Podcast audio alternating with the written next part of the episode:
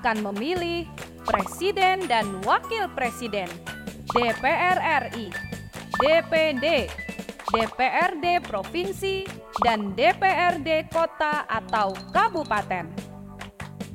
Setiap WNI berusia 17 tahun atau yang sudah atau pernah menikah berhak nyoblos, termasuk penyandang disabilitas. Pastikan Anda terdaftar di DPT yang bisa dicek di kelurahan atau online. Bagi yang tinggal di luar negeri, pastikan Anda terdaftar di KBRI setempat. Ada tiga pilihan untuk nyoblos, yaitu lewat pos, kotak suara keliling, atau nyoblos di TPS luar negeri. Nah, yang berencana nyoblos di luar kota karena pekerjaan, berobat, atau studi, ayo lapor ke kelurahan anda tetap bisa nyoblos di kota tujuan. Pastikan Anda hadir di TPS dari pukul 7 pagi agar terhindar dari antrian panjang. Ingat, TPS ditutup pukul 1 siang. Pemilu itu asik, jadi mari dalam demokrasi asik kita jadi pemilih yang asik. Sip. Janganlah sia-siakan waktumu. Ingat, 14 Februari 2024 berbondong-bondong ke TPS dan tentukan pilihan Anda. Anda dan saya adalah anak-anak kandung yang sah dari Republik ini. Kita pemilik yang asik. Dan sebagai pemilik yang asik, mari kita nyoblos.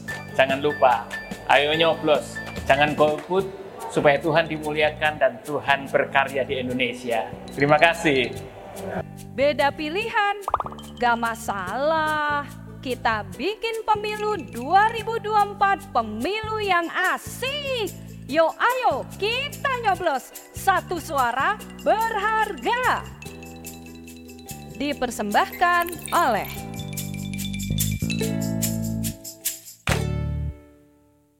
Shalom jemaat terkasih, semoga kondisi Bapak Ibu Saudara dalam kondisi yang baik, merasakan sukacita dari Tuhan dan senantiasa merasakan damai sejahtera dari Allah. Kita patut bersyukur karena sebentar lagi kita akan memasuki masa Paskah yang akan diawali dengan masa Rabu Abu. Dan dalam Pasar Raya Paskah tahun ini kita akan menggumuli sebuah tema bangkit untuk menata kehidupan. Melalui tema ini kita diajak untuk menggumulkan kembali peristiwa salib dan juga kebangkitan Kristus sebagai titik di mana Kristus mau memulihkan kehidupan kita dan menata kehidupan kita. Bertepatan dengan masa raya Paskah tahun ini, ada juga momen besar yang kita akan lalui bersama, yaitu pemilu, baik pemilu legislatif, DPD, dan juga pemilu presiden. Dengan merujuk tema besar kita pada Paskah, rasanya tepat juga bahwa momen pemilu ini juga dipakai Tuhan untuk penata kehidupan kita sebagai bangsa Indonesia agar lebih baik lagi. Namun ada satu hal yang perlu dicermati, bahwa peristiwa ini, kedua peristiwa ini ternyata berbenturan tanggal. Rabu Abu dilaksanakan pada 14 Februari, begitu pula juga dengan pemilu juga akan dilaksanakan di hari yang sama. GKI menyadari bahwa dirinya adalah bagian yang tak terpisahkan dari kehidupan bangsa dan bernegara. Oleh karena itu kita perlu menggumulkan secara serius dukungan kita kepada proses demokrasi ini tanpa harus kehilangan perayaan liturgi kita. Berkaitan dengan hal ini, maka Majelis Jemaat melalui persidangan Majelis Jemaat GKI Sarwa Indah pada tanggal 21 Januari 2024 memutuskan beberapa hal. Yang pertama, ibadah Rabu Abu akan dilaksanakan pada hari Kamis tanggal 15 Februari, satu hari setelahnya dengan beberapa pertimbangan sebagai berikut. Yang pertama, sekolah Nusa Indah, di mana kita biasa memarkirkan kendaraan kita, ternyata dipakai menjadi TPS atau tempat pemungutan suara. Mengingat pemilu periode sebelumnya, kita tahu bersama bahwa penghitungan suara itu ternyata memakan waktu yang cukup lama, bahkan sampai berganti hari, maka rasanya lebih tepat kita memundur ibadah ini karena tidak memungkinkan kita beribadah saat 14 malam, lalu ketika kita memarkirkan kendaraan di sekolah, dan di situ juga ada pertepatan dengan proses penghitungan suara yang masih berjalan. Dan agar proses penghitungan ini juga berjalan dengan baik, rasanya kita jangan sampai menjadi gangguan yang tidak diinginkan oleh teman-teman kita yang bertugas menjadi petugas KPPS. Lalu juga demi kondusivitas juga, Bapak Ibu Saudara, kita mengetahui bersama bahwa masih ada residu-residu kemarahan dan juga konflik dalam pemilu sebelumnya. Dan itu sedikit banyak juga berkaitan dengan iman percaya kita. Oleh karena itu, untuk keamanan kita semua, rasanya menjadi sebuah hal yang bijak untuk kita menggeser sedikit perayaan liturgi kita. Tentu di balik itu semua kita tetap harus berdoa bahwa pemilu ini dapat berjalan dengan baik, damai, dan kita mendapatkan pemimpin yang benar-benar mau berkarya untuk rakyat. Lalu keputusan yang kedua berkaitan dengan itu, maka kapan pelaksanaan puasa Prapaskah? Itu yang mungkin menjadi pertanyaan dari Bapak Ibu Saudara. Yang pertama, bahwa perayaan dan pelaksanaan puasa Prapaskah tetap dihitung 40 hari dan dimulai pada 14 Februari hari Rabunya sampai tanggal 13, 30 Maret hari Sabtu Sunyi. Sedangkan hari Minggu dalam masa prasa prapaskah 6 minggu tidak dihitung sebagai hari puasa karena kita harus ingat bahwa hari Minggu adalah hari Paskah-Paskah kecil. Jadi Bapak Ibu Saudara tetap diajak untuk melaksanakan puasa mulai hari Rabu namun karena tidak ada ibadah di malamnya saya mengajak kita semua untuk tetap berdoa dan memohon ampun kepada Tuhan. Sehingga prosesi pelaksanaan puasa Paskah, prosesi Rabu Abu, dan juga proses demokrasi kita hari ini yang akan kita kerjakan bulan depan tetap berjalan dengan baik. Dan kita patut berdoa juga agar semua dapat berjalan dengan baik. Oleh karena itu selamat mempersiapkan diri untuk memasuki masa prapaskah Selamat mempersiapkan diri untuk memasuki masa puasa dan pertobatan. Sekaligus mari datang ke TPS, gunakan hak suara kita, dan rayakan demokrasi ini dengan sehat. Tuhan berkati.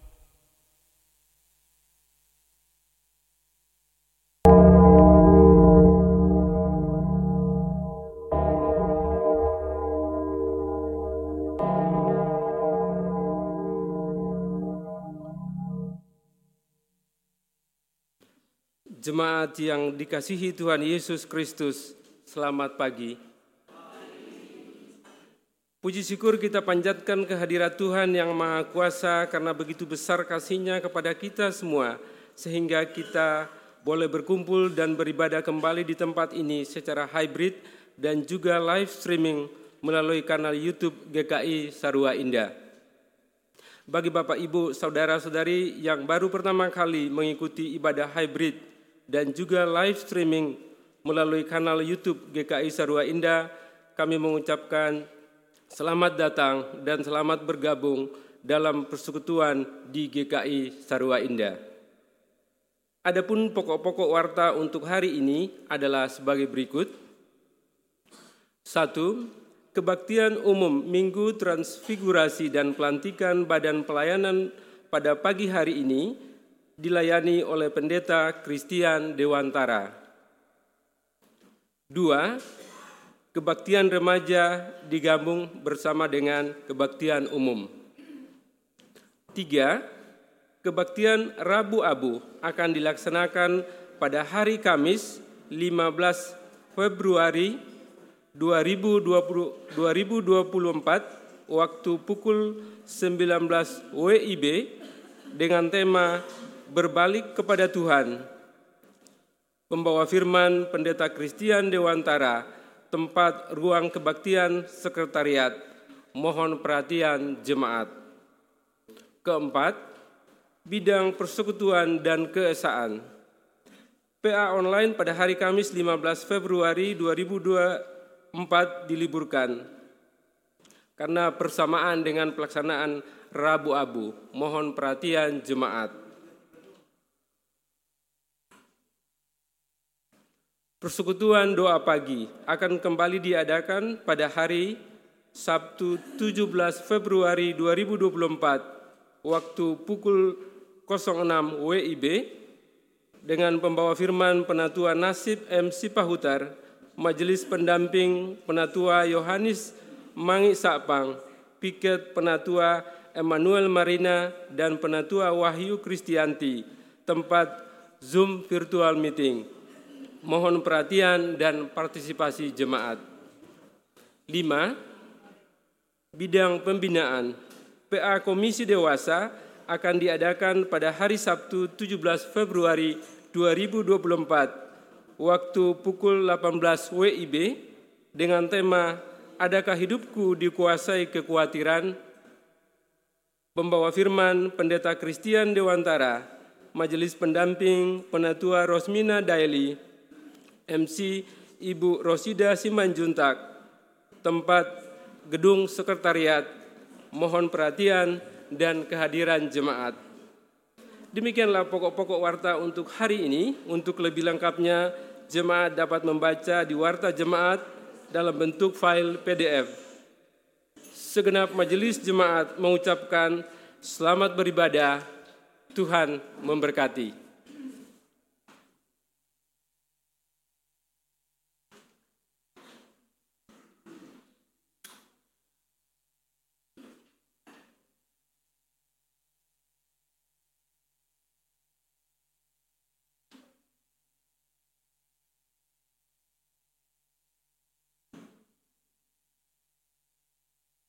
Saudara-saudara yang dikasihi Tuhan Yesus, saat ini kita memasuki ibadah Minggu Transfigurasi yang menuntun kita untuk mengimani kemuliaannya.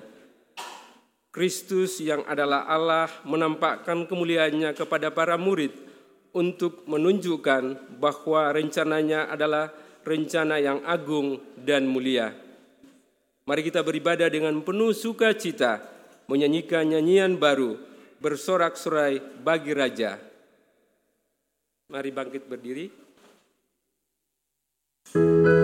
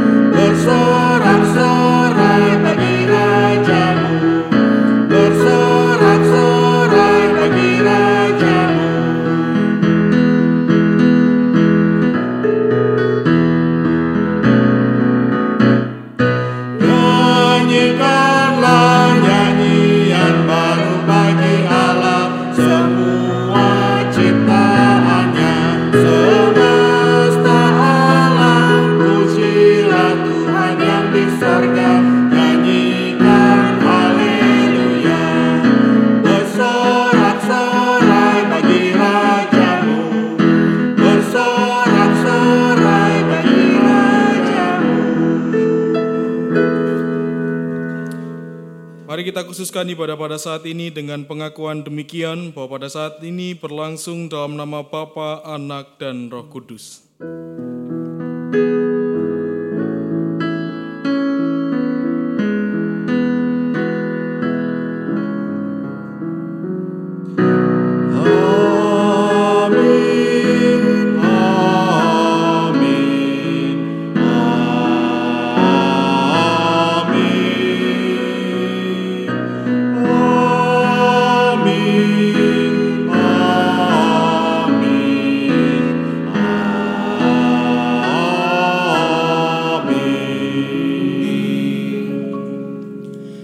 beserta saudara.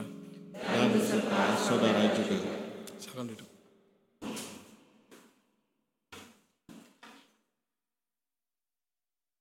Bapak, Ibu, Saudara, kita selalu bersyukur atas kasih karunia Tuhan yang selalu kita rasakan dari hari ke hari. Kita beriman kepada Tuhan Yesus sebagai juru selamat yang ditegaskan bahwa Tuhan sengsara untuk keselamatan kita dan semua orang percaya. Dalam ibadah kita saat ini akan dinyatakan bahwa Tuhan Yesus dimuliakan karena memang Kristus itu termulia, semakin menguatkan iman percaya kita bahwa mengikuti Yesus adalah pilihan yang tepat. Dalam kehidupan bersama dengan saudara, tetangga, atau orang lain, apakah kita sudah menjadi saksi iman percaya kita kepada Kristus, Raja yang termulia? Kita bersama-sama menyanyikan PKJ 184 bait 1 sampai baitnya yang kedua, nama Yesus termulia. Nama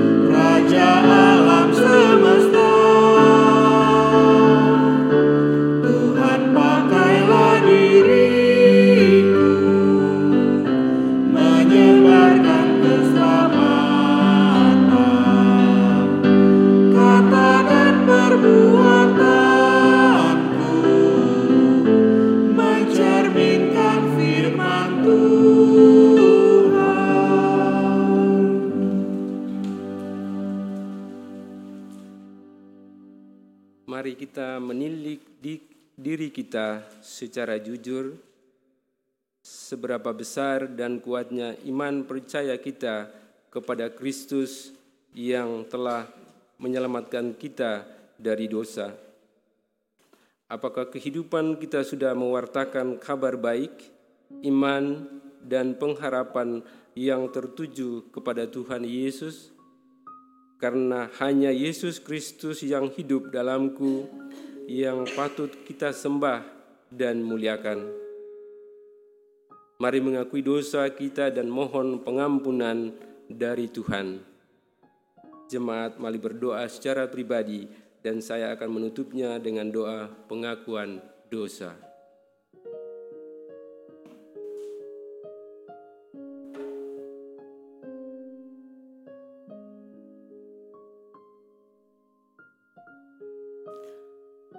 Bapa kami di dalam surga, Bapa yang Maha Kudus, Bapa Maha Pengampun dan Maha Pengasih. Kami datang ke hadapan hadiratmu ya Tuhan pada pagi hari ini. Bersujud menyembahmu, memohon ampun ya Tuhan atas dosa dan kesalahan kami yang kami perbuat di dalam kehidupan kami, di dalam keluarga kami, di dalam kami berjemaat, dan di dalam kami bermasyarakat ya Tuhan. Kami mohon ampun jika selama ini hidup kami tidak mencerminkan sebagai anak-anak Tuhan. Kami tidak merefleksikan kasih dan kemurahan Tuhan di dalam kehidupan kami. Ampunilah kami ya Tuhan, dan mampukanlah kami untuk menjadi pelaku-pelaku firman-Mu pembawa-pembawa pengharapan bahwa di dalammu, di dalam namamu, di dalam nama anakmu Yesus Kristus ada keselamatan yang kekal ya Tuhan.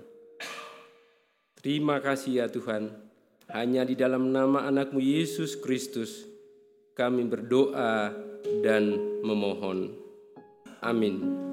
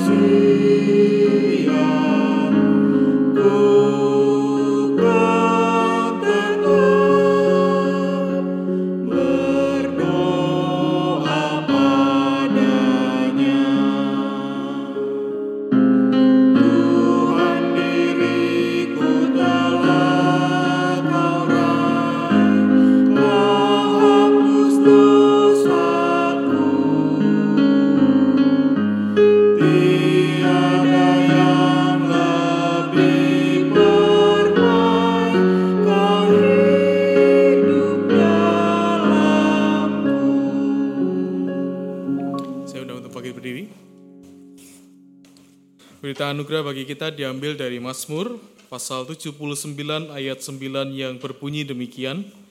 Tolonglah kami ya Allah penyelamat kami demi kemuliaan namamu.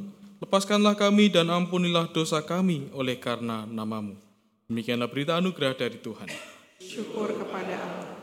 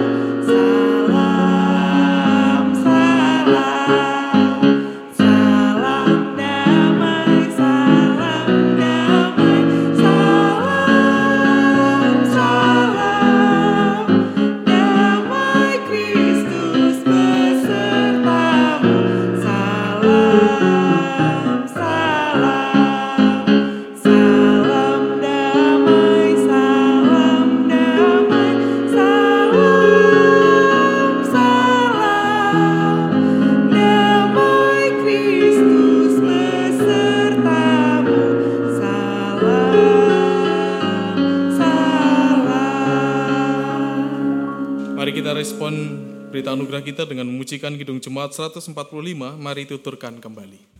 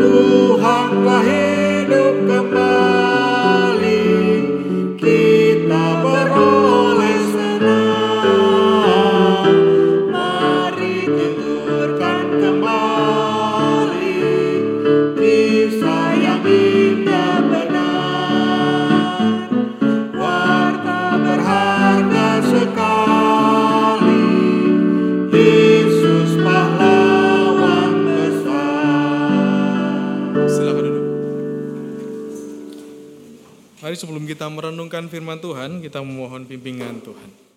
Mari berdoa. Kami sungguh mengucap syukur untuk kasih setiamu Tuhan. Tuhan senantiasa memberikan kesempatan kepada kami untuk memuji dan memuliakan Tuhan. Terlebih lagi, Tuhan pun juga tak jemu untuk menyapa kami melalui firman yang diberitakan. Bila sebentar kami akan belajar firman-Mu, Tuhan kiranya membimbing kami agar firman yang diberitakan boleh kami syukuri, boleh kami maknai, dan boleh kami pahami, terlebih juga dapat kami nyatakan dalam kehidupan kami hari lepas hari.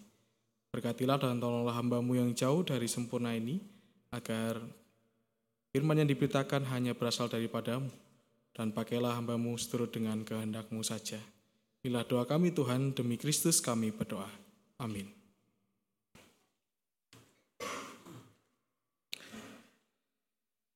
Bacaan yang pertama diambil dari dua Raja-Raja pasal 2 ayat yang pertama sampai dengan ayatnya yang ke-12.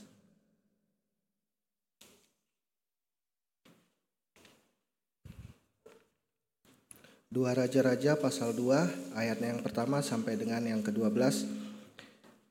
Ketika Tuhan hendak mengangkat Elia ke surga dalam angin badai, Elia dan Elisa sedang dalam perjalanan dari Gilgal. Berkatalah Elia kepada Elisa, "Tinggallah di sini, sebab Tuhan menyuruh aku ke Betel." Tetapi jawab Elisa, "Demi Tuhan yang hidup dan demi hidupmu sendiri, aku tidak akan meninggalkan engkau." Lalu mereka pergi ke Betel. Rombongan nabi yang ada di Betel keluar menemui Elisa dan berkata kepadanya, "Tahukah engkau bahwa pada hari ini tuanmu akan diambil oleh Tuhan dari hadapanmu?" Jawabnya, "Ya, aku juga tahu. Diamlah." Elia berkata kepadanya, "Elisa, tinggallah di sini, sebab Tuhan menyuruh aku ke Yeriko." Tetapi ia menjawab, "Demi Tuhan yang hidup dan demi hidupmu sendiri, aku tidak akan meninggalkan engkau." Lalu sampailah mereka di Yeriko. Rombongan nabi yang ada di Yeriko mendekati Elisa dan berkata kepadanya, "Tahukah engkau bahwa pada hari ini tuanmu akan diangkat oleh Tuhan dari hadapanmu?" Jawabnya, "Ya, aku juga tahu. Diamlah." Elia berkata kepadanya, Tinggallah di sini, sebab Tuhan menyuruh aku ke sungai Yordan. Jawabnya, Demi Tuhan yang hidup dan demi hidupmu sendiri, aku tidak akan meninggalkan engkau. Lalu keduanya melanjutkan perjalanan. Lima puluh orang dari rombongan Nabi itu berjalan, lalu berhenti agak jauh dari mereka, sementara keduanya berdiri di tepi sungai Yordan. Elia mengambil jubahnya, menggulungnya, dan memukulkannya ke atas air itu. Terbagilah air itu ke satu sisi dan ke sisi lain, lalu mereka berdua menyeberang di tanah yang kering. Sesampainya di seberang, Elia berkata kepada Elisa, Mintalah apa yang dapat kulakukan untukmu sebelum aku diangkat dari hadapanmu. Jawab Elisa, kiranya aku mewarisi dua bagian dari kuasa kenabianmu. Kata Elia, engkau meminta hal yang sukar. Namun, jika engkau dapat melihat aku diambil darimu, hal itu akan terjadi padamu. Jika tidak, hal itu tidak akan terjadi. Sementara mereka berjalan terus sambil bercakap-cakap, tiba-tiba kereta berapi dengan kuda berapi datang memisahkan keduanya. Dan Elia naik ke surga dalam angin badai. Ketika Elisa melihat itu, ia berteriak, Bapakku, Bapakku, kereta Israel dan penunggang-penunggang kudanya. Lalu ia tidak melihatnya lagi. Ia pun merenggut pakaiannya dan mengoyaknya menjadi dua bagian. Demikianlah sabda Tuhan. Dari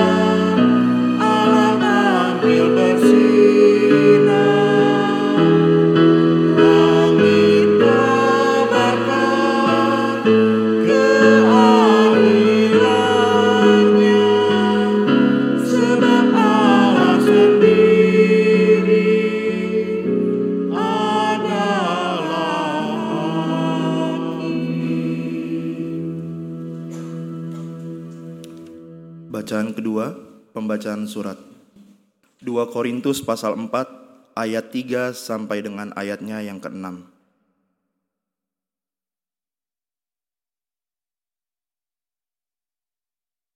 Dua Korintus pasal 4 ayat 3 sampai dengan ayatnya yang ke-6. Jika Injil yang kami beritakan masih tertutup juga, Injil itu tertutup untuk mereka yang akan binasa, yaitu orang-orang yang tidak percaya, yang pikirannya telah dibutakan oleh ilah zaman ini, sehingga mereka tidak melihat cahaya Injil tentang kemuliaan Kristus yang adalah gambar Allah. Sebab bukan diri kami yang kami beritakan, tetapi Yesus Kristus sebagai Tuhan, dan diri kami sebagai hambamu karena kehendak Yesus. Sebab Allah yang telah berfirman, dari dalam gelap akan bercahayalah terang. Ia juga yang membuat terang bercahaya di dalam hati kita, supaya kita beroleh terang dari pengetahuan tentang kemuliaan Allah yang tampak pada wajah Kristus. Demikianlah sabda Tuhan. Bacaan Injil Yesus Kristus diambil dari Injil Markus pasal 9. Injil Markus pasal 9 kita akan membaca ayat 2 sampai 9.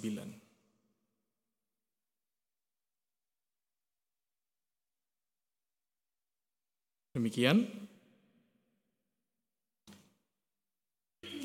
Enam hari kemudian Yesus membawa Petrus, Yakobus, dan Yohanes, dan bersama mereka ia naik ke sebuah gunung yang tinggi. Di situ mereka sendirian saja. Lalu Yesus berubah rupa di depan mata mereka, dan jubahnya sangat putih berkilauan. Tidak ada seorang penatu pun di dunia ini yang dapat memutihkan pakaian seperti itu. Lalu tampaklah kepada mereka Elia bersama dengan Musa. Keduanya sedang berbicara dengan Yesus. Kata Petrus kepada Yesus, "Rabi, sungguh baik kita berada di tempat ini. Biarlah kami dirikan tiga kemah, satu untuk engkau, satu untuk Musa, dan satu untuk Elia." Ia tidak tahu apa yang harus di, di- ia tidak tahu apa yang harus dikatakannya karena mereka sangat ketakutan. Lalu datanglah awan menaungi mereka, dan dari dalam awan itu terdengar suara, Inilah anakku yang terkasih, dengarkanlah dia. Tiba-tiba, sewaktu memandang sekeliling, mereka tidak melihat seorang pun lagi bersama mereka, kecuali Yesus seorang diri. Pada waktu turun dari gunung itu, Yesus memperingatkan mereka supaya jangan menceritakan kepada siapa pun apa yang telah mereka lihat itu sebelum anak manusia bangkit dari antara orang mati. Demikianlah Injil Yesus Kristus yang berbahagia adalah kita yang boleh mendengarkan firman Allah dan yang memeliharanya dalam kehidupan hari lepas hari. Haleluya.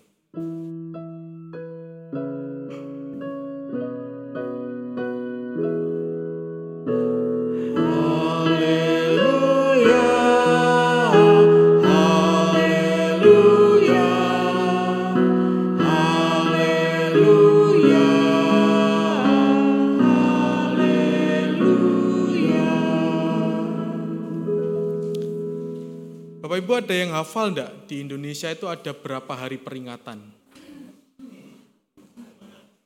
Banyak. Hafal 10 Pak? 10 hafal? Ada hari pendidikan. Yang lansia pasti hafal karena selalu ada kegiatan lansia klasis kan ya. Hari lansia nasional gitu kan selalu ada gerak lagu dan sebagainya itu ya. Hari pendidikan, hari buruh, hari ibu, hari kebangkitan nasional, hari pahlawan gitu ya. Banyak banget gitu sampai-sampai kita bingung ini hari opo gitu. Bagi yang orang yang tidak punya korelasi dengan hal tersebut, maka hari-hari itu akan berlalu begitu saja, betul kan ya? Bagi orang-orang yang tidak punya kaitan secara khusus dengan peringatan itu, maka hari itu menjadi sesuatu yang ya tidak akan berbicara apa pun, tidak akan bermakna apa pun. Gitu.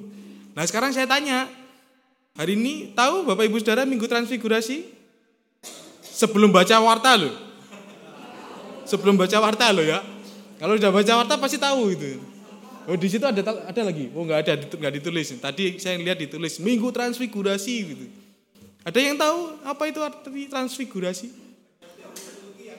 Tim liturgi, oh, sebelahnya itu pak. ya Bapak Ibu Saudara sering kali memang kita sebagai orang Kristen tuh ketika berbicara tim, lit, oh, tim liturgi, berbicara transfigurasi, kadang tidak dimaknai dengan baik. Dan tidak apa namanya tidak dipahami dengan baik. Bahkan mungkin saja ditanya tanggal berapa ya atau kapan momennya transfigurasi? Hah, apa itu?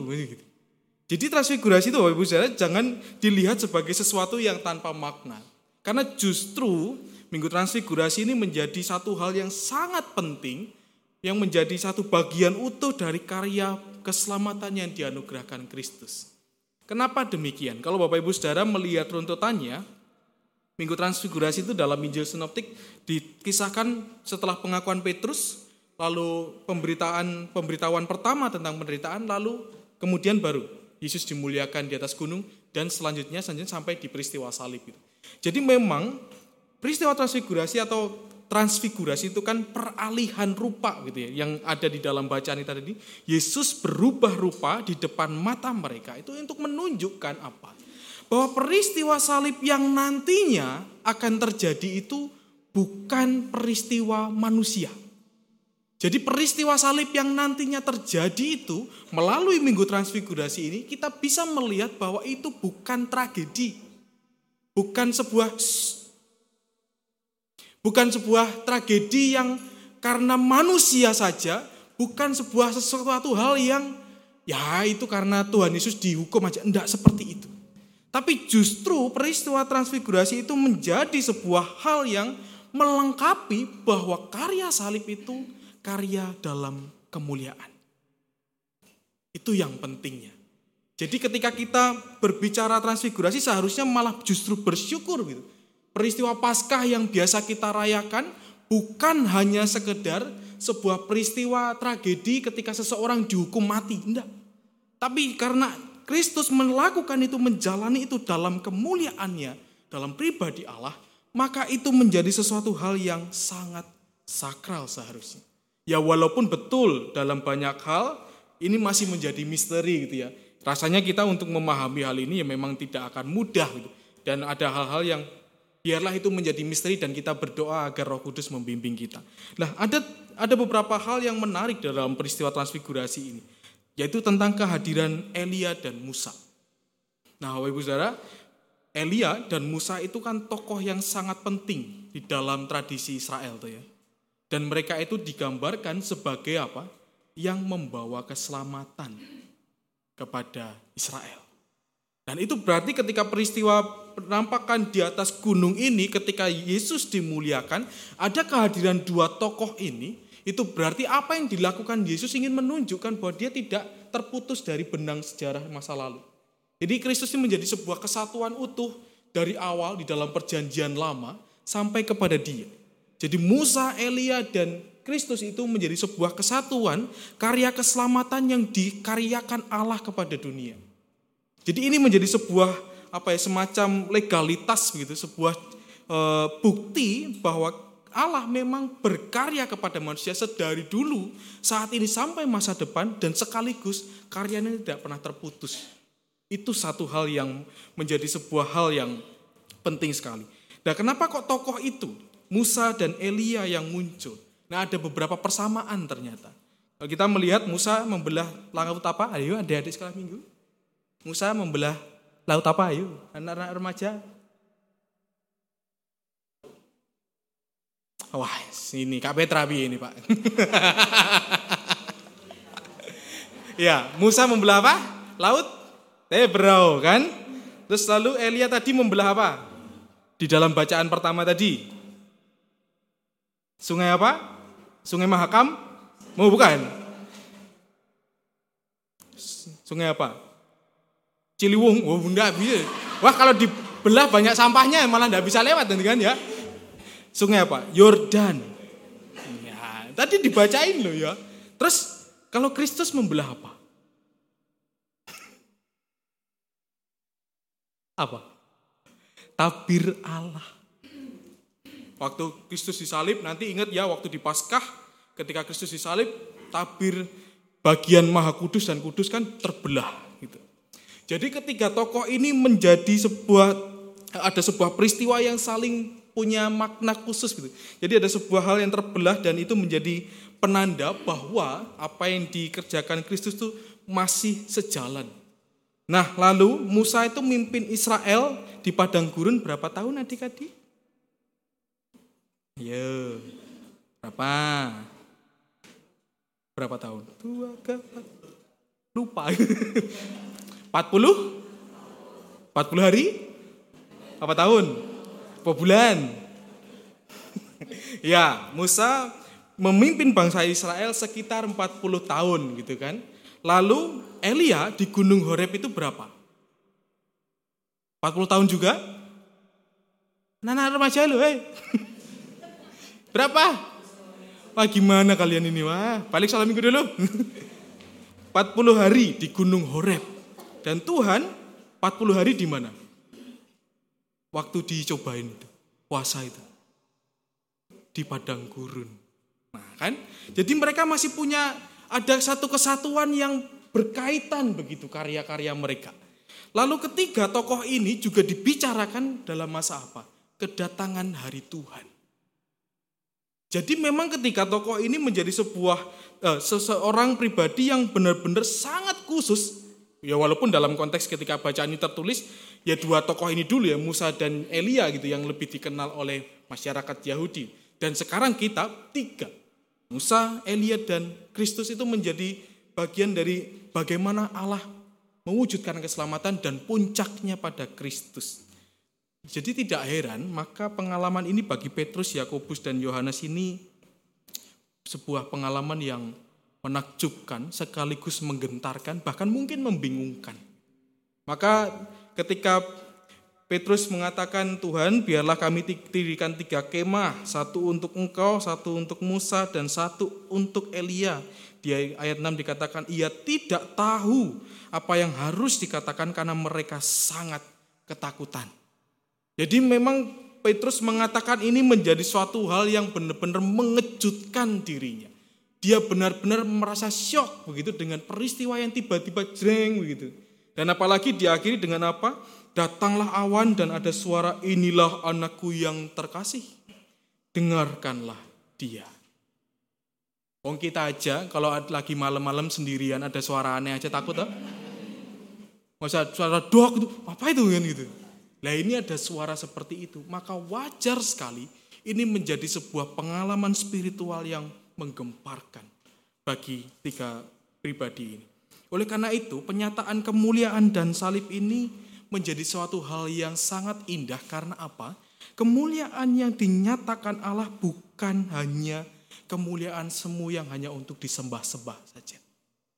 Jadi kemuliaan yang dinyatakan Kristus melalui berkaitan dengan peristiwa salib itu, maka kemuliaan yang dinyatakan Tuhan itu tidak hanya untuk disembah saja. Tetapi untuk apa? Dirasakan bahwa dia, Allah, memakai kemuliaan itu untuk menyelamatkan manusia. Berarti kemuliaan itu untuk menunjukkan kasih. Oleh karena itu, maka wajar ada banyak hal ada banyak orang di luar sana mengatakan kasih Tuhan itu yang paling sempurna. Dan sempurnanya karena itu. Ia menyatakan karya kasihnya dalam kemuliaan. Bukan hanya dengan ukuran manusiawi. Bukan hanya menurut ukuran-ukuran yang bisa dihitung dunia. Itulah menurut saya maksud dari kasih Allah yang sejati. Nah, pertanyaannya bagaimana kita mau merasakan kemuliaan itu? Dan begitu. Bagaimana kita menggumulkan peristiwa transfigurasi ini agar tidak menjadi minggu-minggu biasa yang lalu tidak dirasakan apa pun dan tidak berdampak apa pun, lalu kita ya sudah nyelonong aja begitu. Nah, kita bisa belajar dari Elia, Elisa dan juga Paulus. Elisa dalam bacaan pertama kita tadi dinyatakan dia begitu setia mengiring Elia saat diangkat Allah. Karena kesetiaan itulah dia akhirnya apa? Berbuah manis. Nah akhirnya kan kalau Bapak Ibu Saudara membaca bagian tadi perikop kita secara utuh di dalam dua Raja-Raja dua itu, kita akan melihat bahwa ternyata Elisa itu mendapatkan roh Allah yang dulunya dimiliki Elia. Jadi karena dia hidup dekat dalam kemuliaan itu, dia setia dengan mengerjakan tugas itu. Walaupun sebenarnya Elia sudah bilang, dah kamu sana aja tinggalkanlah aku. Tapi dia ngomong, enggak, aku ikut aja. Ke mana pun engkau pergi, aku ikut saja. Dan di situlah dia merasakan kemuliaan dan juga roh yang berkuasa yang dulunya dimiliki Elia dan dia pun menjadi dalam tanda kutip suksesor bagi Elia. Elisa merasakan itu. Dan akhirnya dia juga mampu melanjutkan karya pelayanan Elia dan akhirnya ia pun menjadi nabi yang tercatat di dalam Alkitab. Nah, Paulus lebih luar biasa lagi bagi saya. Bukan membandingkan ya, tapi Paulus punya situasi yang berbeda yang menurut saya sangat luar biasa. Kita tahu bersama, Paulus siapa adik-adik sebelum namanya jadi Paulus? Saulus, ngapain Saulus? Membunuh orang Kristen. Terus ngapain lagi? Sebelum bunuh ngapain? Ngejar orang Kristen ya. Terus apa lagi? Menekan orang Kristen kamu tinggalkan Kristus kan begitu tak? Dia orang yang begitu jahat, dia yang begitu luar biasa pengisnya dan dia justru ditangkap Allah dan bertobat. Logikanya seperti yang saya katakan minggu lalu. Orang kayak Petrus ini, eh, kayak Paulus ini diapain? Dihukum kan? Dibinasakan genti kan kalau bisa kan ya? Kalau bisa balas dendam, balas dendam lah kita. Gitu. Tapi ternyata oleh Allah malah justru Paulus yang hidupnya seperti itu dipakai Allah untuk mewartakan Injil. Bahkan tidak hanya bagi orang Israel, bagi seluruh orang dan sebenarnya kalau kita mau jujur, salah satu kenapa kita bisa memeluk iman Kristen, kita bisa menjadi orang Kristen itu juga karena karyanya Paulus. Dia yang mewartakan Injil itu ke orang di luar Yahudi di tengah banyak para rasul hanya fokus kepada orang-orang Israel. Jadi sedikit banyak kita saat ini bisa merasakan kasih Allah itu karena Paulus. Bayangkan, dia yang membasmi begitu ya, banyak orang Kristen tapi dipakai Allah untuk membuat banyak bahkan jutaan lebih banyak untuk bertobat, merasakan kasih Allah. Terang itu dikatakan bercahaya di dalam hati Paulus. Dan ia akhirnya merasakan kemuliaan Allah secara pribadi. Dan di dalam apa yang dikatakan Paulus tadi, kita juga melihat sebenarnya Injil itu kan diberitakan kepada semua orang. Cuman ada yang terima, ada yang tidak gitu kan. Yang tidak binasa kan begitu. Nah persoalannya adalah sekarang begini, bagaimana kita sebagai orang-orang Kristen membagikan Injil. Agar orang-orang yang belum pernah mendengarkan itu bisa merasakan. Walaupun toh nantinya mereka menolak, ya sudah. Tapi bagaimana tugas kita? Lah, untuk mewartakan itu kan ya butuh apa ya semacam promo gitu, testimoni gitu ya. Ya orang kan tidak mungkin toh bisa merasakan kasih Tuhan kalau dia nggak tahu kasih Tuhan itu seperti apa. Orang anak-anak sekarang aja kan kalau mau makan kan lihat IG dulu deh. Review gitu kan, YouTube gitu kan, Next Carlos. Saya tuh tahu beberapa banyak makanan enak di sekitar Tangsel karena dia, Bu jujur aja.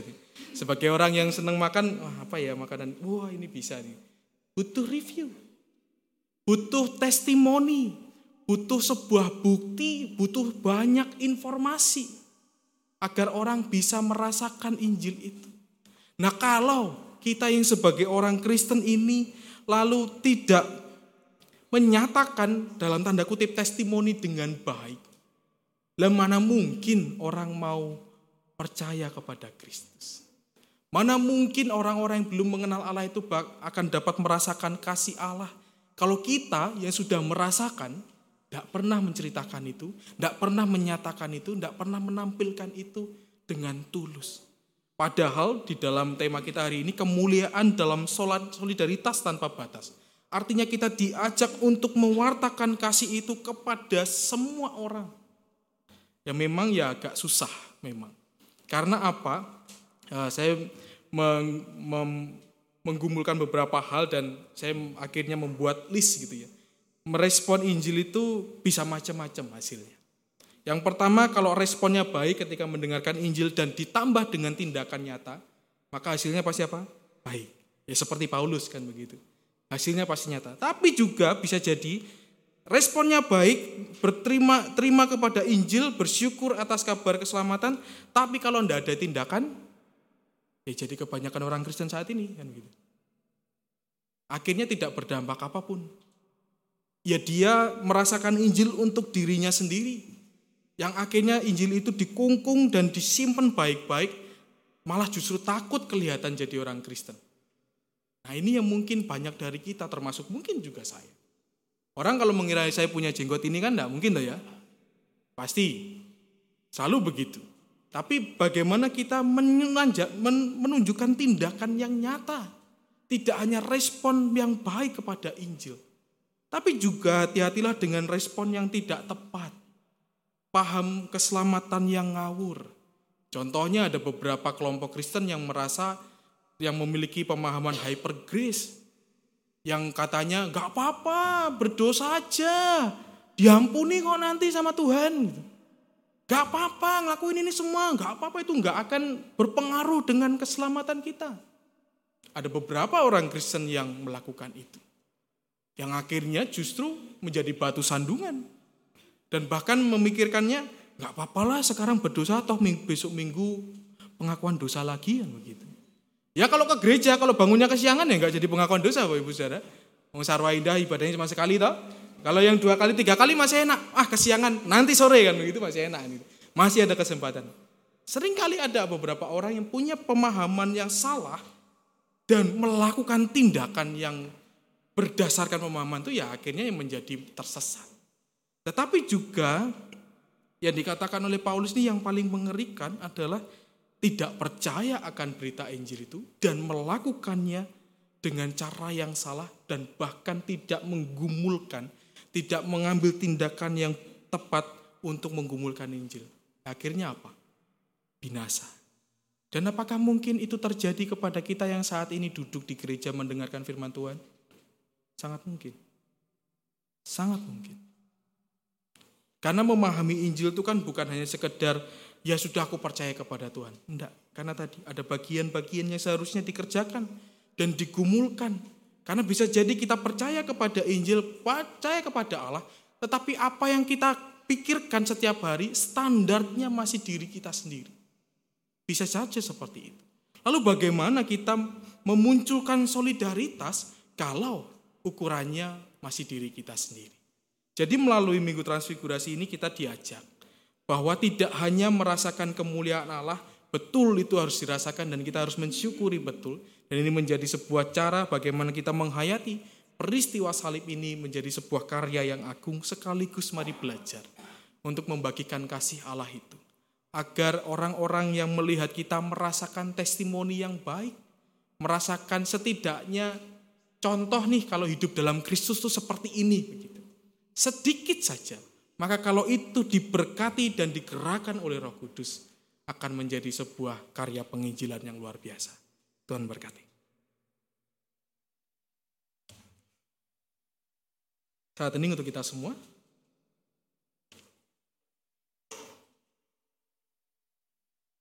kita akan mendengarkan persembahan pujian dari ensemble biola Sekolah Dasar Kristen Tirta Marta. Dipersilahkan.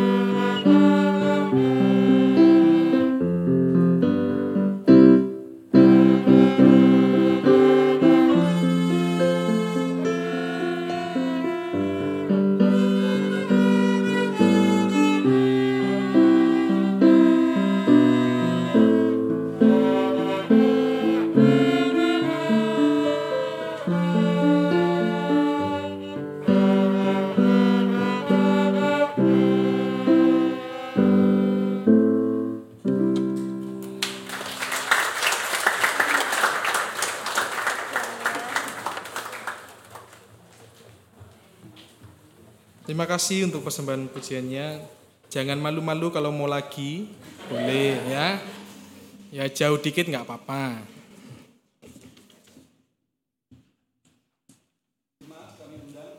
Kiri.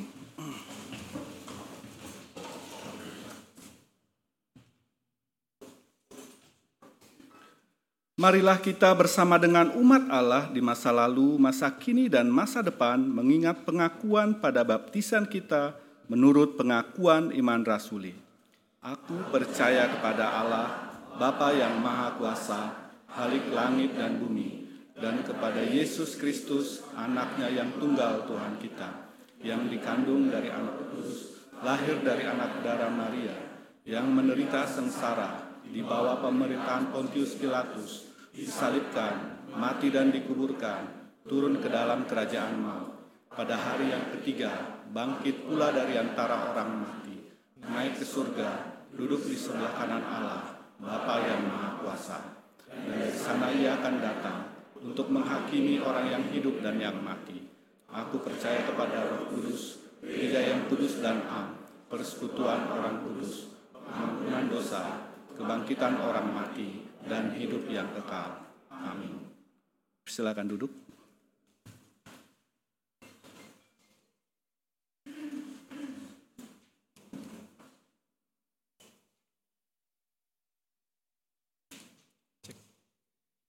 Ya, eh, Bapak Ibu Saudara, kita akan memasuki pelayanan pelantikan BPH Komisi dan juga tim pelayanan di GKI Sarwa Indah. Sebagai gereja Yesus Kristus kita dipanggil untuk berperan serta dalam mengerjakan misi Allah, yaitu karya Allah yang membebaskan dunia dan manusia dari dosa dan membawa dunia serta manusia kepada kehidupan baru yang sesungguhnya dalam relasi yang benar dengan dirinya, dengan sesama dan dengan seluruh ciptaan. Dalam rangka berperan serta mengerjakan misi Allah itu, gereja melaksanakan misinya, yaitu mengusahakan damai sejahtera, yaitu shalom yang berisikan keadilan, perdamaian, dan keutuhan seluruh ciptaan. Misi gereja ini dilaksanakan di tengah-tengah situasi yang senantiasa berubah dan berkembang. Karena itu, agar dapat melaksanakan misinya dengan baik, gereja dalam keseluruhan dan keutuhannya dipanggil untuk terus-menerus melakukan pembangunan jemaat, yaitu pembangunan spiritual dalam pengertian yang seluas-luasnya. Pada hakikatnya Allah lah pelaku utama dalam pembangunan gereja.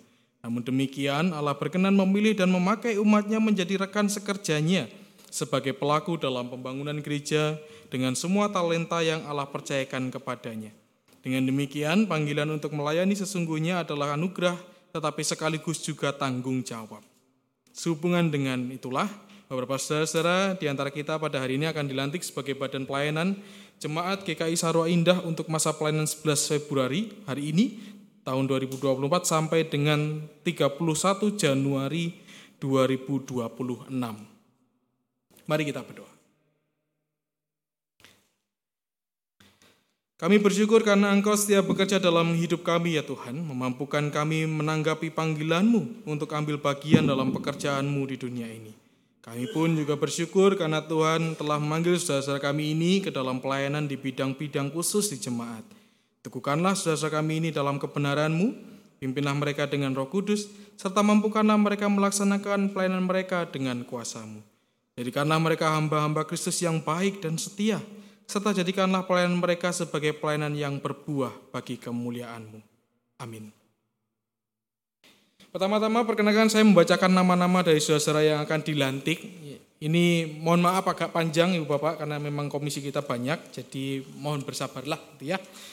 Yang pertama dari Komisi Peribadatan ada Ibu Catherine Pakpahan sebagai ketua satu, lalu ketua dua ada Ibu Anna Habel, sekretaris satu dari Osvin Simamora, sekretaris dua Ibu Femi Tadung Alo, dan bendahara ada Ibu Melda Kandong.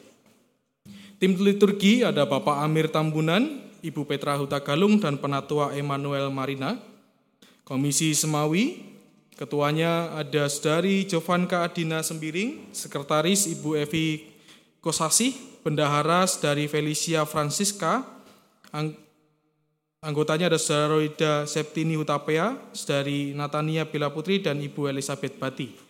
Sedangkan Komisi Pelawatan, ketuanya Ibu Mariana Susanto, Sekretaris Ibu Meliana Manurung, Bendahara Ibu Deselina Lumban Raja, Anggota Ibu Juliana Buki, Ibu Kristiana Eni, Ibu Rini Pasaribu, Ibu Melda Kandau, Bapak Sarasi Ganda Tua Panggabean, Ibu Rosida Sipautar, Ibu Imsak Sumawati. Dan untuk uh, bidang kedukaan ada Bapak Edwin Santoso. Untuk Komisi Anak, Ketua 1 Ibu Endang Triani, Ketua 2 Ibu Lili Friska Novayanti Siregar, Sekretaris ada Ibu Magdalena Sukmadewi, Bendahara dari Esther Lumban Raja. Komisi Remaja, Ketua 1 dari Natania Bella Putri, Ketua 2 Alex Manasya Simotius, Sekretaris 1 ada dari Arelia Trivena Depora Tambunan, dan dari Rafaela Adina Cantika Simamura. Bendahara Saudara Praja Yuda Sautarida. Si ibadah ada dari Felicia Francisca Siotang, Saudara Fabian Ferdinandi Immanuel, Saudara Yeskiel Anugrah Tumion Edward Siagian, si pemerhati dan publikasi dan dokumentasi ada saudari Denisa Al-Zahra Dwinas Nauli, saudari Abi Eliana Shalom, dan saudari Kiana Audrey Putri Rudianto. Si olahraga, saudara Markus Septiadi. Di Komisi Pemuda, ketuanya adalah saudari Tesalonika Krishna, wakil ketua saudari Amartia Siadari, sekretaris dari Natalia Kristiani Maruao, Bendahara dari Stefani Eka Maruao, si pemerhati dari Amartya Siadari, si olahraga dari Olivia Kandau, saudara Yeskiel Jonathan, si media ada dari Ariela Zevanya, dari Juliana Maruao, dan Stefani Eka. PIC kegiatan ada dari Anastasia Hia, dari Lisna Wati Hia, dan dari Krista Tiovani. Oh, kebanyakan perempuan ini. Satu tok yang lagi. Yang satu sudah diambil jadi penatua sih soalnya ya. Lalu komisi dewasa ada ketuanya Bapak Fitrianus, sekretaris Ibu Intan Lestari dan bendahara Ibu Francisca Tangke. Untuk komisi komisi usia lanjut, ketua Bapak Imade Agustinus, wakil ketua Bapak Amir Tambunan, sekretaris Ibu Petra Hutagalung, bendahara Ibu Rice Suryati, pemerhati Ibu Nur Cahya Storus, Ibu Kadek Wiryati, Ibu Helmina Toping dan Ibu Evi Kunaini. Komisi Diakonia, Ketua Ibu Elizabeth Bati, Sekretaris Ibu Ruth Tangaran, Bendahara Ibu Kuswati Kosasi, Anggota Ibu Pujiati, Ibu Titi Martin, Bapak Iwan Rudianto, Ibu Hartati Sembiring, Bapak Ebenezer Siadari, Sedari Jojar Si Rejeki Toping. Sedangkan Komisi Katekisasi, Ketua Bapak Edwin MB Tambunan, Sekretaris Saudara Yeskiel Jonathan, dan Bendahara Sedari Jojar Si Rejeki Toping. Dan yang terakhir Komisi Inventaris, Ketuanya Saudara Rayendra Winalson Siregar, sekretarisnya Ibu Virginia Samanta, Bendara Ibu Rosida Simanjuntak, dan anggota ada Saudara Anton Siregar. Demikian nama-nama yang akan kita lantik pada hari ini. Sekarang saya mengundang saudara-saudara yang akan dilantik untuk berdiri. Untuk menyatakan keyakinan dan janji saudara-saudara dengan jujur dan tulus hati di hadapan Tuhan dan jemaatnya. Saudara telah menyatakan kesediaan saudara untuk ambil bagian dalam pelayanan di jemaat ini melalui badan-badan pelayanan. Pertama, percayakah saudara-saudara bahwa sesungguhnya Allah sendiri melalui jemaatnya di sini yang telah memanggil saudara-saudara ke dalam pelayanan jemaat? Yakinkah saudara-saudara bahwa Allah yang telah memanggil saudara-saudara ke dalam pelayanan akan tetap memimpin, menolong, dan memampukan saudara-saudara dalam melaksanakan pelayanan saudara-saudara? Karena itu berjanjikah saudara-saudara untuk melakukan pelayanan saudara-saudara dengan segenap kemampuan, kesetiaan, dan sukacita? Apakah jawab saudara-saudara? Ya, kami percaya, yakin, dan berjanji. Nah, mantap, bareng.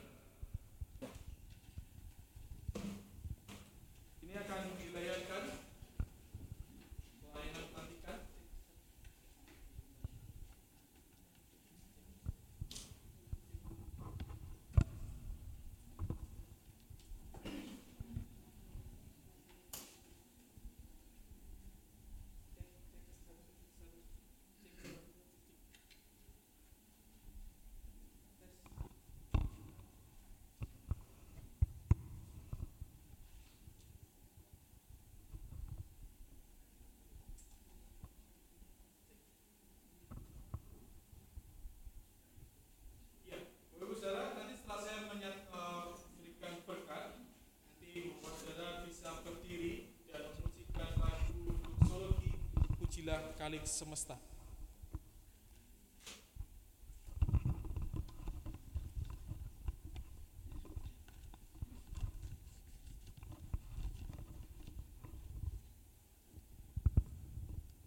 Allah sumber damai sejahtera yang telah memanggil saudara-saudara ke dalam pelayanan jemaat kiranya menguduskan dan memelihara roh, jiwa, dan tubuh saudara hingga tak bercacat pada kedatangan Yesus Kristus Tuhan kita. Ia yang memanggil saudara adalah setia, ia juga akan menggenapinya. Amin.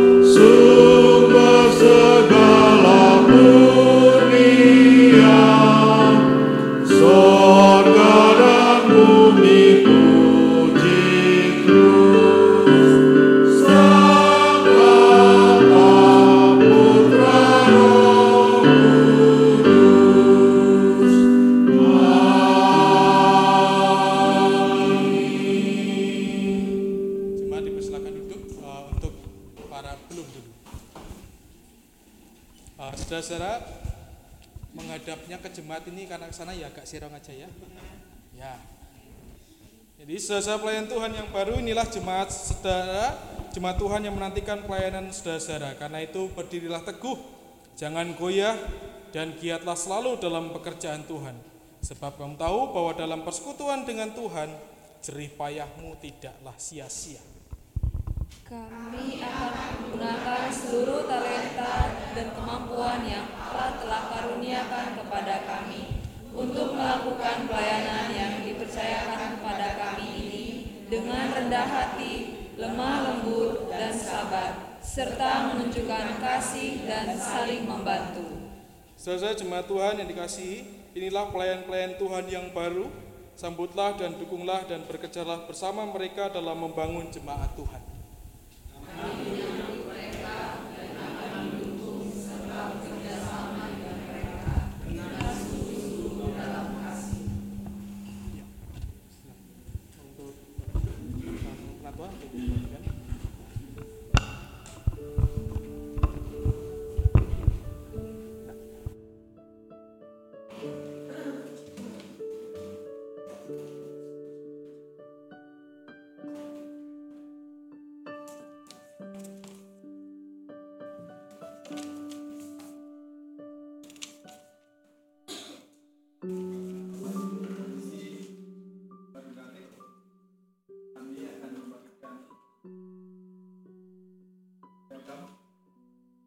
Perwakilan yaitu ketua-ketua dari setiap komisi. Jadi untuk anggotanya nanti akan dibagikan di bawah. Terima kasih.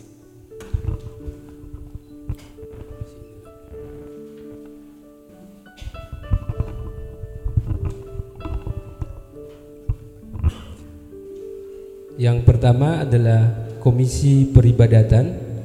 Kami persilakan Ibu Catherine.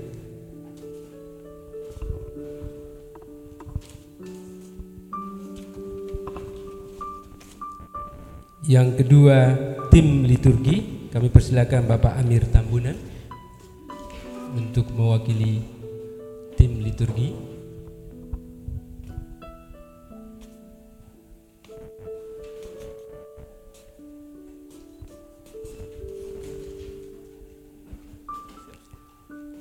Kami persilakan bersiap-siap untuk Komisi Semawi akan diwakili dari Jovanka Adina Sembiri.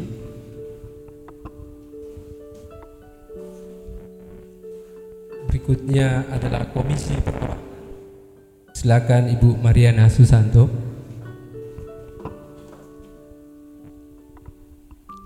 Berikutnya adalah Komisi Anak. Kami persilakan Ibu Endang Triani. Berikutnya adalah Komisi Remaja. Kami persilakan Natania Bella Putri.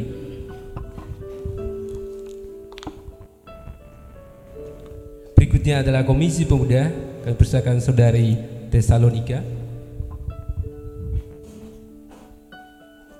Berikutnya adalah Komisi Dewasa. Kami persilakan Bapak Fitrianus. Berikutnya adalah Komisi Lanjut Usia. Kami persilakan Bapak Imade Agustinus. Berikutnya adalah Komisi Diakonia. Kami persilakan Ibu Elizabeth Biantong.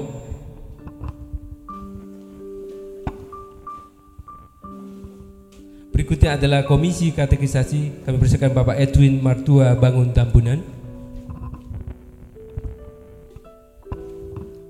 Dan yang terakhir adalah Komisi Inventaris. Kami persilakan Saudara Rayendra. Terima kasih Bapak Ibu Saudara sekalian. Silakan untuk duduk. Kita akan melanjutkan ibadah kita.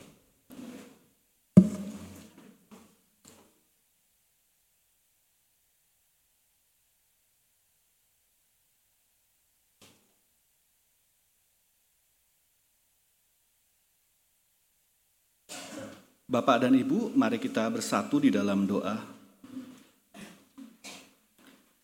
Tuhan Yesus Kristus yang bertahta di kerajaan surga, kami mengucap syukur ya Bapa, kami dapat melaksanakan ibadah kami di tempat ini Tuhan, dan kami juga masih dapat melakukan aktivitas kami bergereja ya Tuhan di tempat ini, juga di Sekolah Bukit Nusa Indah ya Tuhan. Begitu baiknya Engkau ya Tuhan, di tengah-tengah banyak saudara-saudara kami yang tidak memperoleh kesempatan untuk melaksanakannya Tuhan. Tuhan, tapi kami masih merindukan ya Bapa, memiliki gedung gereja yang permanen ya Tuhan. Kami memiliki lahan di uh, Dusun Tiga ya Bapa, yang kami rencanakan untuk sebagai tempat mendirikan gereja ya Tuhan. Bapa, kami serahkan ke dalam tangan pengasihan-Mu ya Tuhan, untuk dapat terwujudnya keinginan kami jemaatmu di tempat ini ya Bapa. Berkati Tuhan kami para majelis juga jemaat ya Tuhan yang sungguh-sungguh ingin mempersiapkan agar terwujudnya gereja tersebut ya Tuhan. Bapa berkati juga Tuhan kiranya masyarakat di tempat tersebut ya Bapa, kau lunakkan dan kau lembutkan hatinya ya Bapa agar dapat menerima Tuhan keberadaan kami di tempat tersebut Tuhan. Terima kasih ya Bapa, kami serahkan doa kami ini di dalam tangan pengasihan-Mu. Kami melanjutkan syafaat kami. Saat ini kami juga bersyukur untuk saudara kami Tuhan yang dalam minggu ini berulang tahun. Kami ikut berbahagia dengan saudari Felicia Francisca Siotang dan Penatua Rudi Astron Siagian. Kami mohon Tuhan memberkati dua saudara kami ini yang boleh berulang tahun pada minggu ini. Tuhan berkati kehidupannya, berikanlah kesehatan dan sukacita dan kiranya Tuhan senantiasa menyertai dalam segala pergumulan yang saudara kami ini masih hadapi. Berkatilah dan juga tolonglah hidupnya selalu. Kami juga berdoa untuk saudara kami yang saat ini juga sedang dalam masa kelemahan tubuh. Saat khusus kami ingin berdoa untuk Bapak Saud Raja Pasaribu yang dirawat di Rumah Sakit Umum Sipirok Medan.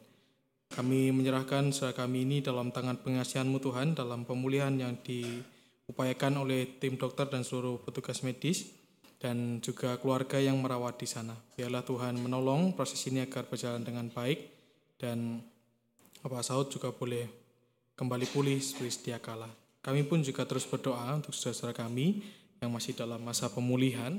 Kami berdoa untuk Ibu Mami Palon, Ibu Hana Panjaitan, Ibu Yulia Kristianti, Bapak RC Siagian, Bapak Rudi Pasaribu, Ibu Sri Herawati Utasoid, Ibu Irna Kurnia Rini Syadari, Bapak Rafles Simamora, Ibu Ruslina Limbung Sagala, Bapak Hotman Tua Hutapea, Oma Sarah Jaya Sumadi, Oma Wilma Patiwael, Bapak Pramadi Krisasta, Ibu Purnama Panjaitan, Ibu Kadek Wiryanti, Bapak Christian Utagalung, Ibu Nike Elizabeth Buki, Bapak Wahyu Dayat, Ibu Yohana Triani, Ibu Maria Magdalena, Ibu Tambunan, dan juga Bapak Oscar Simamura.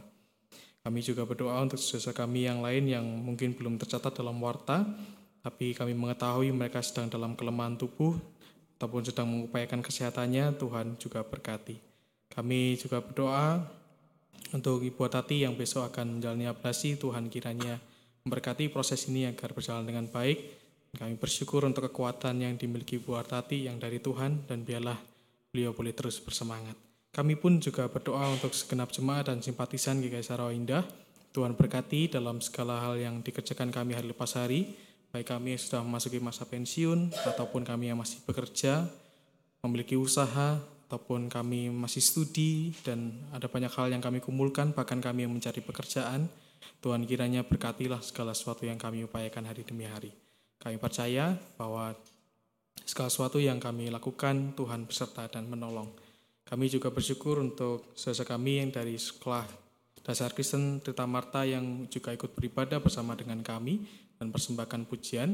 Tuhan kiranya berkati dalam sekolah mereka dan aktivitas mereka, berkati ketika mereka akan mengikuti lomba, dan biarlah itu semua dapat berjalan dengan baik dan lancar. Tuhan, kami juga berdoa untuk bangsa dan negara kami. Kami bersyukur untuk masa pemilu yang sudah berjalan dengan baik, di mana kami dapat melihat para calon yang memperkenalkan diri dan menyatakan visinya. Biarlah itu menjadi pertimbangan bagi kami semua, dan biarlah dalam segala sesuatu yang kami pikirkan mengumpulkan ketika nanti hari Rabu kami akan menggunakan hak suara kami, biarlah roh kudus yang membimbing kami untuk memilih calon yang paling tepat. Dan biarlah juga dalam memutuskan pilihan kami, kami juga bertanggung jawab untuk keputusan kami, dan biarlah kami juga tetap hidup dalam rukun walaupun mungkin kami berbeda pilihan. Dan biarlah ini justru menjadi proses pendewasaan kami dalam hidup bernegara dan bermasyarakat. Kami juga berdoa untuk korban banjir di sekitar Jawa Tengah, di Purwodadi dan sekitarnya. Kami memohon Tuhan memberkati saudara kami di sana yang menjadi korban banjir yang cukup besar ini. Tuhan kiranya mencukupkan kebutuhan pangan dan juga kesehatan mereka. Biarlah setiap orang yang bertanggung jawab untuk menjaga dan merawat mereka, boleh juga Tuhan berikan kekuatan.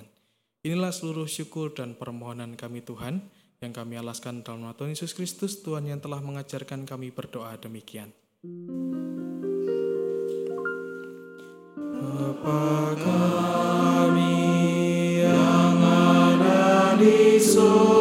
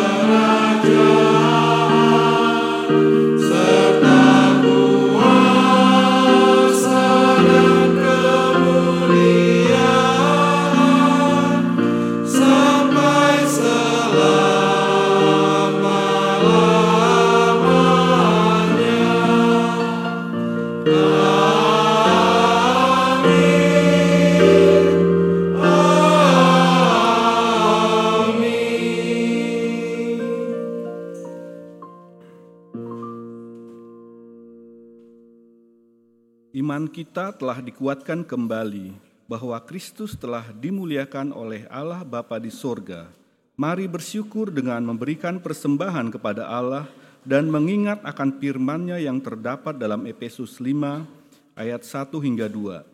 Sebab itu sebagai anak-anak yang terkasih, teladanilah Allah dan hiduplah di dalam kasih sebagaimana Kristus juga telah mengasihi kamu dan telah menyerahkan dirinya untuk kita sebagai persembahan dan kurban yang harum bagi Allah.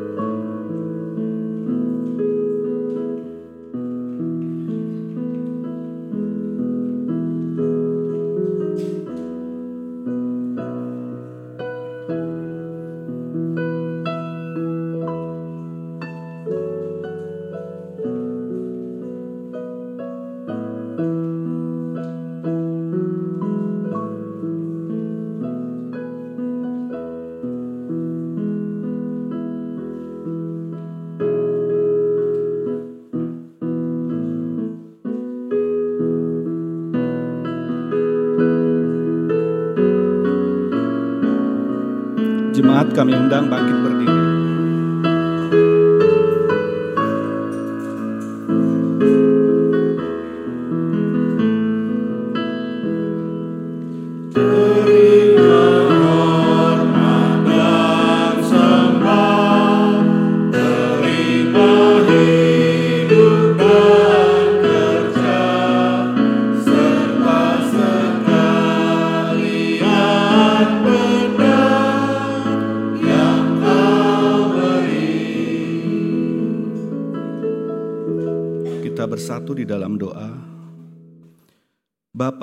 mengucap syukur ya Tuhan buat begitu banyak berkat yang kau berikan bagi kami ya Bapa. Tuhan, ajari kami untuk bijak mempergunakan segala berkat yang kau berikan bagi kami agar hidup kami layak dan berkenan di hadapan-Mu ya Bapa. Saat ini Tuhan kami memberikan sedikit dari berkat-berkat-Mu itu yang kami sembahkan bagi kemuliaan namamu ya Bapa. Berkati ya Tuhan persembahan kami yang sedikit ini Tuhan, agar berguna bagi kerajaan-Mu di dunia ini ya Tuhan. Berkati para pelayan-pelayan yang menggunakan berkat-Mu ini Tuhan bagi kemuliaan namamu agar terus berkembang ya Bapa, namamu di dunia ini. Terima kasih ya Bapa, terpujilah namamu Tuhan, di dalam nama Tuhan Yesus Kristus kami berdoa. Amin. Mari kita akhiri pada kita dengan memujikan Kidung Jemaat 392, Ku berbahagia. Thank you.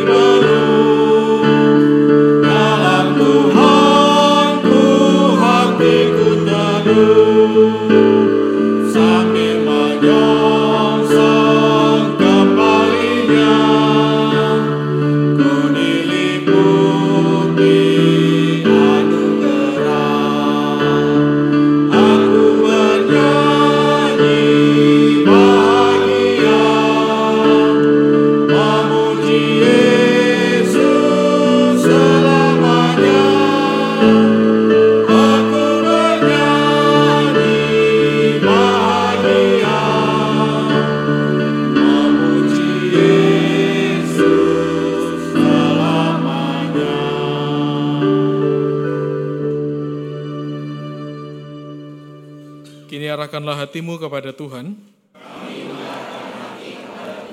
Jadilah saksi Kristus yang telah dimuliakan Allah kepada sesama. Nyatakanlah Kristus adalah Allah yang penuh kasih. Terpujilah Tuhan. Dan kini terimalah berkat dari Tuhan. Tuhan memberkati engkau dan melindungi engkau. Tuhan menyinari engkau dengan wajahnya dan beri engkau kasih karunia. Tuhan menghadapkan wajahnya kepadamu dan beri engkau damai sejahtera. Amin.